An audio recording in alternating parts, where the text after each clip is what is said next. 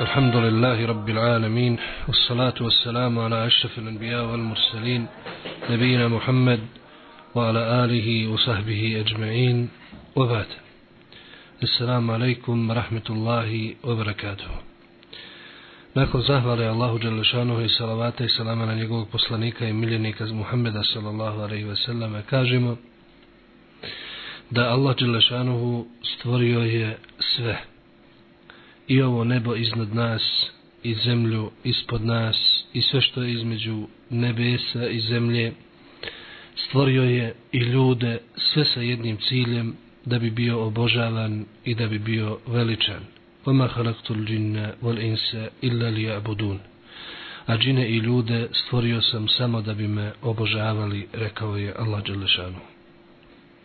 Prema tome, cilj i svrha svega jeste obožavanje Allaha Đelešanu. I Allah Đelešanu je u čovjeka kao biće koje ima određenu slobodu izbora da li će prihvatiti naredbu ili će odbiti ugradio, da uslovno rečeno, stvorio je u njemu sve pretpostavke za ispravno obožavanje Allaha Đelešanu. Dao mu je razum, dao mu je i sve ostalo od tijela, snage i također oko njega sve što je stvoreno služi toj svrsi i metak i ostale blagodati. Međutim i pored toga čovjek svojim razumom ne može dokučiti detalje te obaveze. Ne može dokučiti podrobnosti koje je dužan izvršiti i od kojih se sastoji njegovo obožavanje e, gospodara Đalešanu, ne može ih dokučiti samo svojim razumom. Znači može dokučiti donekle i određene cijeline kao što je Allah Đalešanu, e, da Allah Đalešanu postoji da ga treba obožavati. Ali kako ga obožavati? Na koji način? Šta je Allahova naredba? Šta je Allahova zabrana? To ne može dokučiti svojim razumom. I zato je Allah Đelžanu kao vid svoje milosti dao ljudima i poslao im poslanike. Poslao im je poslanike i vjerovjesnike kao one koji donose radosne vijesti i koji upozoravaju rusulan mubeširine o mundirin poslao je poslanike koji su donosili radosne vijesti znači za one koji budu ih prihvatili koji budu radili onako što, kako, kao što su oni rekli u mundirin i one koji donose opomenu upozoravaju znači one koji se okreću one koji ne žele da prihvate njihovu uputu Allahova mudrost je htjela da Allah Đelešanu nije želio da ga obožava onako kako ko hoće. A to bi bila posljedica naravno e, odbijanja poslanika i njihovih, njihovih poziva. Jer kada bi svako doku, shvatio i dokučio da treba da obožava Allah Đelešanu svojim razumom, onda došlo bi se do, do, do, do jednog nereda, fesada, nesklada, gdje bi svako ispoljavao svoje obožavanje onako kako on misli da treba i onako kako on hoće. Allah Đelešanov to nije želio od nas, već je poslao jednog od ljudi da poduči ljude kako da obožavaju Allaha Đelešanu. To su vjerovjesnici. To su poslanici koje je isključivo on birao. Allah Đelešanu je isključivo birao vjerovjesnike i poslanike i rekao je Allahu alemu hajtu jeđalu risalete. On najbolje zna, Allah najbolje zna kome će povjeriti poslanicu svoju. Ko će biti taj ko će pronositi Allahovu riječ, donositi je, primjenjivati je i podučavati ljude toj riječi. Nakon tog izbora ljudi imali su dva izbora. Ili da ih prihvate i povjeruju, ili da ih odbiju.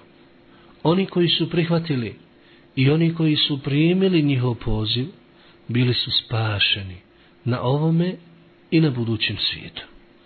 A oni koji su ih odbili u prijašnjim narodima bili su odmah kažnjeni, uništeni i uklonjeni sa ovo svjetske scene. A u ovim, u ovim ummetu, nakon Muhammeda sallallahu alaihi ve selleme, pruženo im je roka, još do određenog roka, kada će pred kijametski dan nestati nevjerstva i ostaće samo vjernici, koji će također ostati do određenog roka, a onda svi se vraćaju svome gospodaru uzvišenom na polaganje računa. Znači, poslanici kada su dolazili, oni su jednostavno činili dvoje.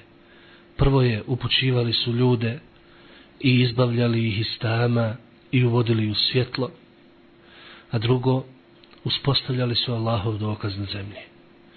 Niko više nakon njih nije imao opravdanja za svoje nevjerstvo. Li alla yakuna lin nasi hujjatun ba'da rusul. Da ljudi ne bi imali nikakva opravdanja za svoje nevjerovanje nakon vjerovjesnika. وما كنا معذبين حتى نبعث رسولا kaže Lušanu. I mi nismo nikoga kažnjavali dok ne bismo poslanika poslali. Znači da poslanik poduči ljude, da ih obavijesti, a onda nakon toga فَمَا شَاءَ فَلْيُؤْمِنْ وَمَا شَاءَ فَلْيَكْفُرْ Ko želi neka vjeruje, ako želi neka ne vjeruje, kažu mu Fesiri, ovaj ajet je prijetnja, a ne samo izbor ljudima. Poslanici kada su dolazili među ljude, imali su za zadatak da ispune troje. Prvo je da upoznaju ljude sa njihovim gospodarom. Da ih upoznaju sa Allahom Đelešanom. Jer rekli smo da čovjek svojim razumom ne može shvatiti, ne može dokučiti pojedinosti upute, naročito u vezi sa Allahovim svojstvima, u vezi sa Allahovim osobinama, njegovim imenima i tako dalje. I zato su poslanici dolazili i onoliko koliko im je Allah objavljivao, dostavljali su ljudima znanje o vezi s tim. I mi zato danas imamo Allahova imena, znamo njihova značenja, znamo šta one znače za život oko nas, kakve tragove ostavljaju, znamo Allahove osobine koje je on objavio u Kur'anu, dosta toga je objavio i u sunnetu, a i prijašnji poslanici su isto tako objavljivali onoliko koliko im je Allah dostavio tog znanja putem svog meleka Džibrila.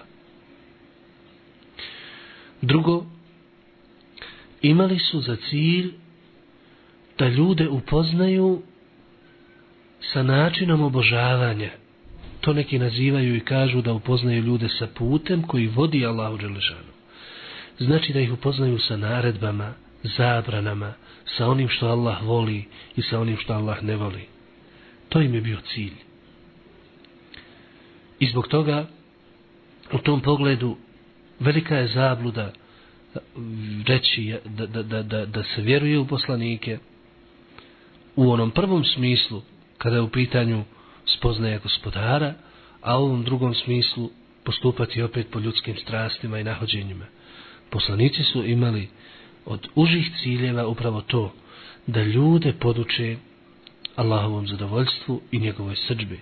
Šta to Allah voli, a šta ne voli. Znači da upoznaju ljude sa putem koji vodi ka Allahu Đalešanu. I treće, imali su za cilj da poduče ljude šta ih čeka kad dođu kod gospodara svjetova. Znači imali su za cilj da poduče ljude da život ne prestaje sa smrću na ovom svijetu. Život ne prestaje time što duša izađe iz ovoga tijela koje je stvoreno privremeno da bi čovjeku služilo dok je u ovom stadiju, u ovom periodu, u ovom životu. Duša ide dalje, život se nastavlja, dolazi berzah, pa su podučavali ljude da postoji kaburski ispit, da će ljudi biti pitani kojim je gospodar, koje su vjere, kojim je poslanik, bit će iskušani time. Zatim su podučavali ljude da zagrobni život, kaburski život, znači ili biti u džennetskoj bašći, ili biti u džehennemskoj provaliji. Pa su ljude podučavali šta to vodi ka tom kaburskom azabu, a šta vodi ka kaburskom uživanju. Zatim su ljude podučili da će doći taj dan kada će sve ovo što je oko nas nestati, kada će sve ovo što je oko nas prosto biti uništeno i samljeveno, kada će brda oko nas nestati, kada će ovog sunca nestati i ovoga svega ukratko oko nas, to je smak svijeta.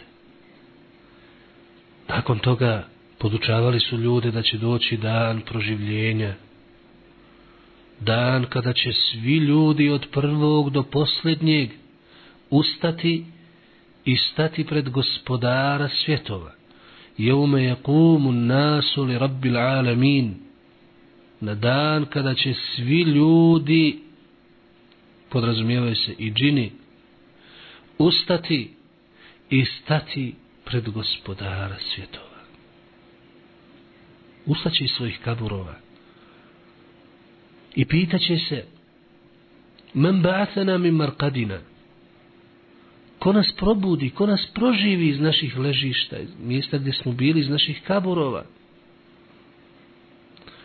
A onda će oni koji budu vjerovali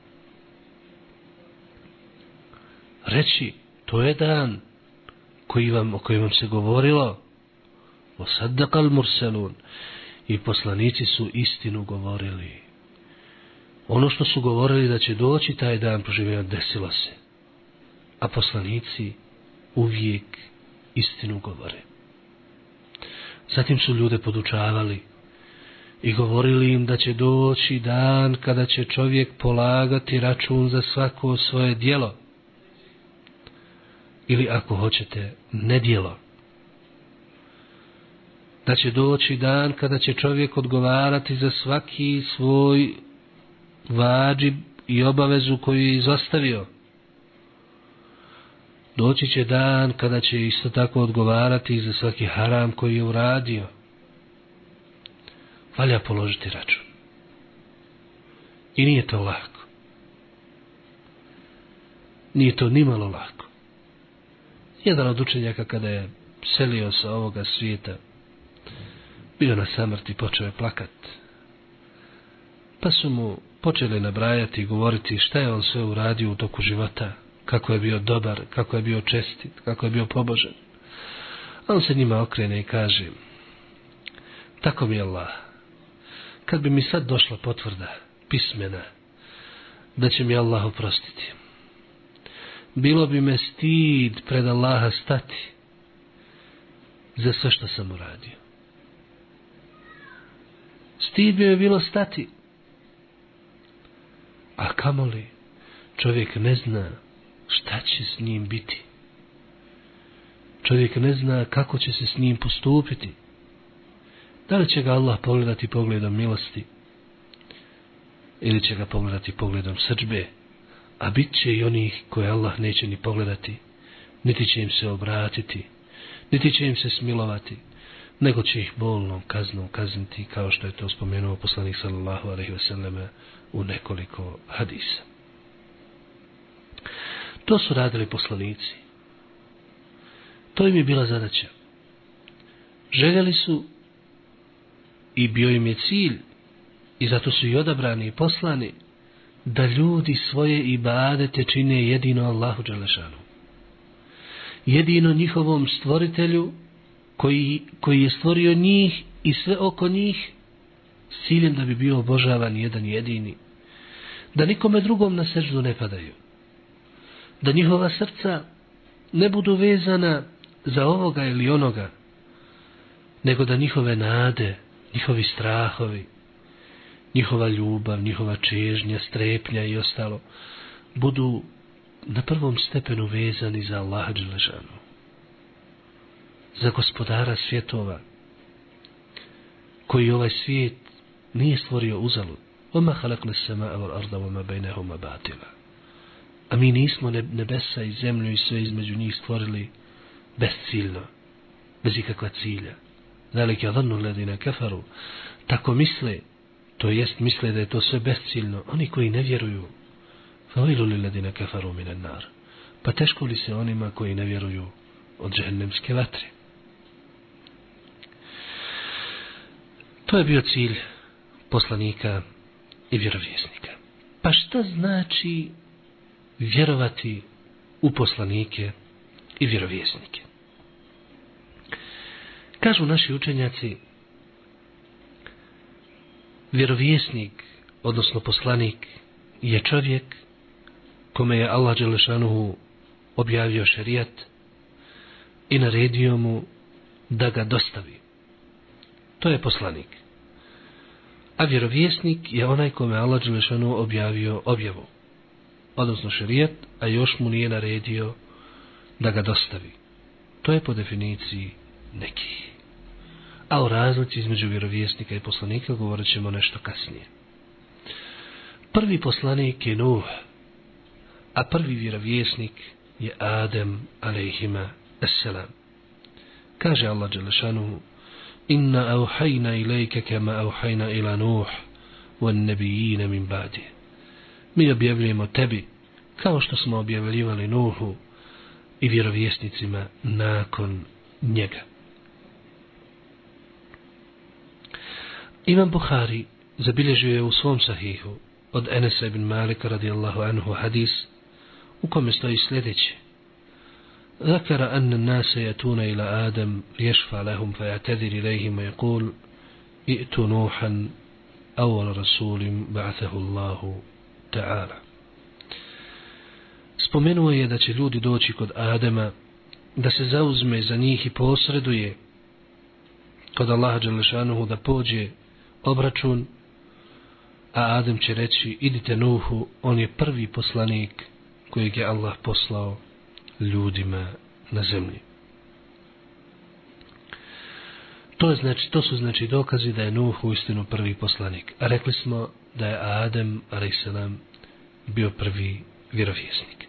I to je ujedno i jedno od mišljenja za razliku između vjerovjesnika i poslanika. A to znači da je vjerovjesnik čovjek kome je došla objava, a on poslat muslimanima. Adam a.s. je poslat ljudima vjernicima. Nije bilo nevjerstva tada u to vrijeme. I zato je vjerovjesnik. A čovjek koji je došao među nevjernike, među ljude koji čine širk, on je poslanik. I zato je Nuh prvi čovjek koji je došao ljudima koji su nevjernici i zato je i nazvan prvim poslanika. Poslednji vjerovjesnik je Muhammed sallallahu alaihi ve sellem. Nuh je prvi, Muhammed sallallahu alaihi ve sellem je poslednji. Allah Đelešanu je rekao, Ma kane Muhammedu neba ahadi min riđalikum, walakin Rasul Allahi wa hatamen nebijin. Muhammed nije otac ni jednog od vas. On je Allahu poslanik i posljednji vjerovjesnik znači pečat svim vjerovjesnicima. Samim tim i njegov šerijat je posljednji šerijat i posljednja objava koja dokida sve prethodne i biva važeća za sve ostale do kijametskoga dana. I zbog toga svi ljudi na zemaljskoj kugli nakon dolaska Muhammeda sallallahu alaihi wasallam njegov su ummet samo što su se podijelili na dva dijela. Ummet daveta i ummet istiđabeta. Ummet koji nije prihvatio Muhammeda sallallahu alaihi ve selleme, koga treba pozvati, a to su svi ovi ostali narodi i pripadnici drugih vjera. I ummet koji je prihvatio Muhammeda sallallahu alaihi ve selleme, a to je ovaj islamski ummet koji se odazvao, odazvao njegovom pozivu. Između Nuha i Muhammeda sallallahu alaihi ve selleme svaki narod je imao poslanika. Svaki narod je imao upućivača i svi su dolazili sa istom zadaćom. A potvrda za to je ajet u kojem malo Đelšanu kaže وَلَقَدْ بَعَثْنَا فِي كُلِّ أُمَّةِ الرَّسُولَ أَنِ اعْبُدُ اللَّهَ وَاجْتَنِبُ التَّاغُوتِ Mi smo svakom narodu poslanika slali sa jednom porukom Allaha obožavajte, a drugih bogova i kumira se klonite. U drugom ajetu Allah šanu je još jasnije rekao wa im min ummetin illa hala fiha nadir a nije bilo ni jednog ummeta da nije došao opominjač.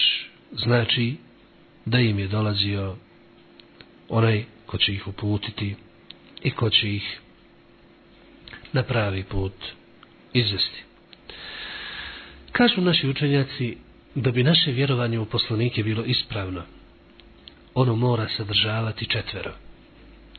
Prvo je vjerovanje da su oni u istinu poslanici i da, su, da je njihovo poslanstvo od Allaha Đelešanu i njegov dar od njega za njih. Znači, to je jedna nužnost i to vjerovanje u sve njih, bez izuzetka. Zato Allah je u jednom ajetu rekao Kezebet qavmu Nuhin al Mursali. Nuhov narod je porekao poslanike, sve poslanike. Kako će Nuhov narod poreći sve poslanike kada su imali samo Nuha, a on prvi? Kažu zato što su porekli Nuha, kao da su porekli i sve poslanike koji su došli posle njega. Zbog toga ko negira jednog, kao da je negirao, kao da je negirao sve.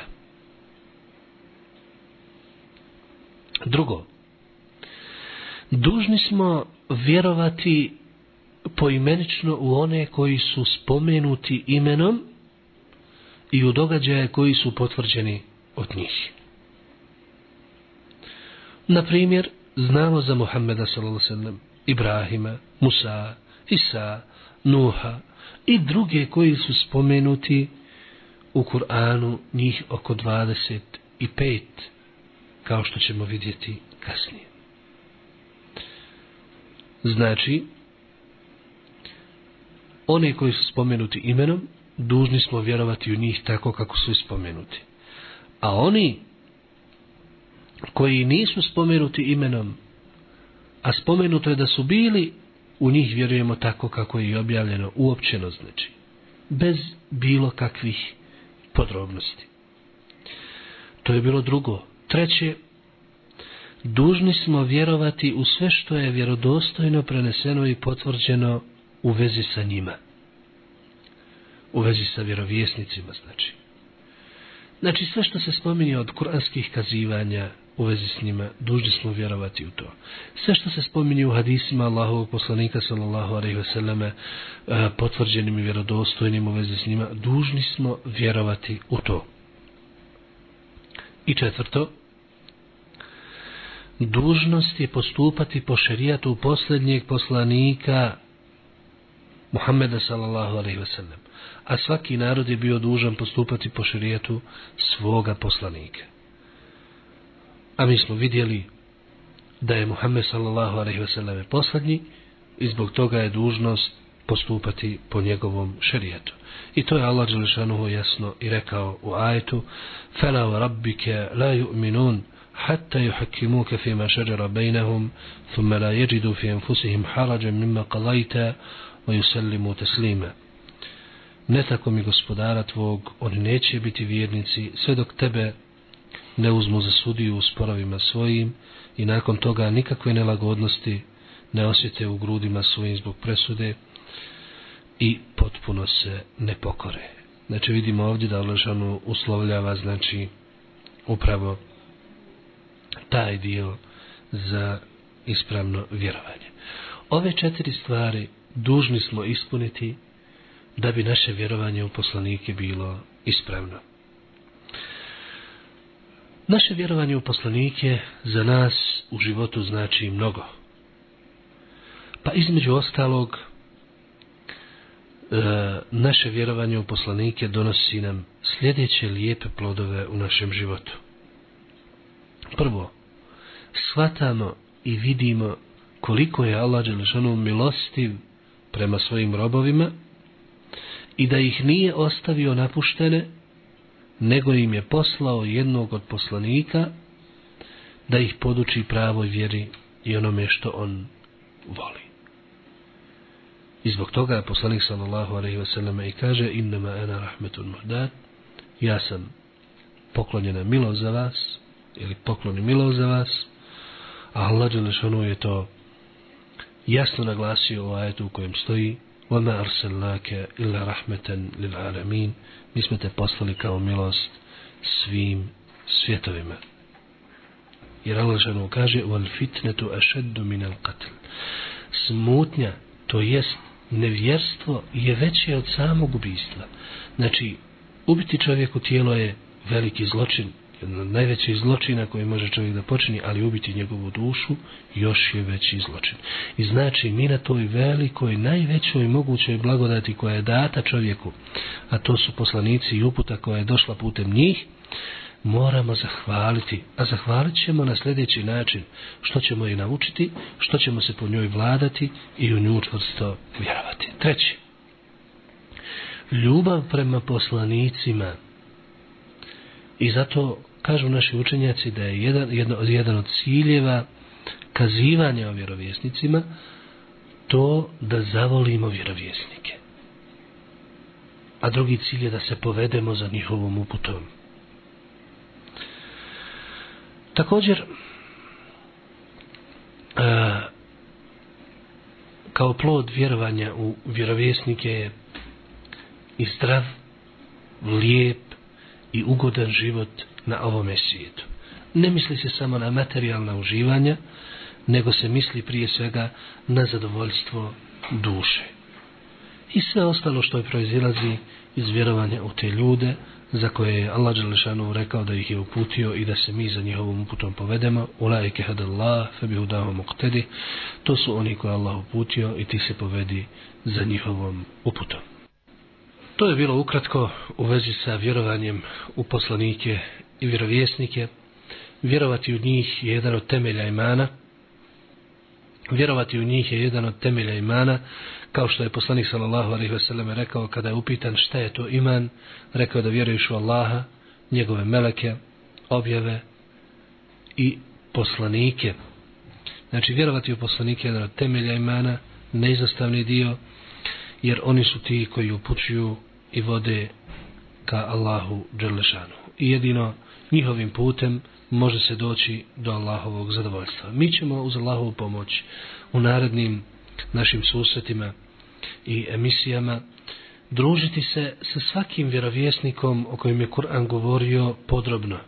Govorit ćemo uz Allahu pomoć o Ademu a.s., o Nuhu, o Hudu, o Salihu, o Musavu, o Isau, o Ibrahimu a.s.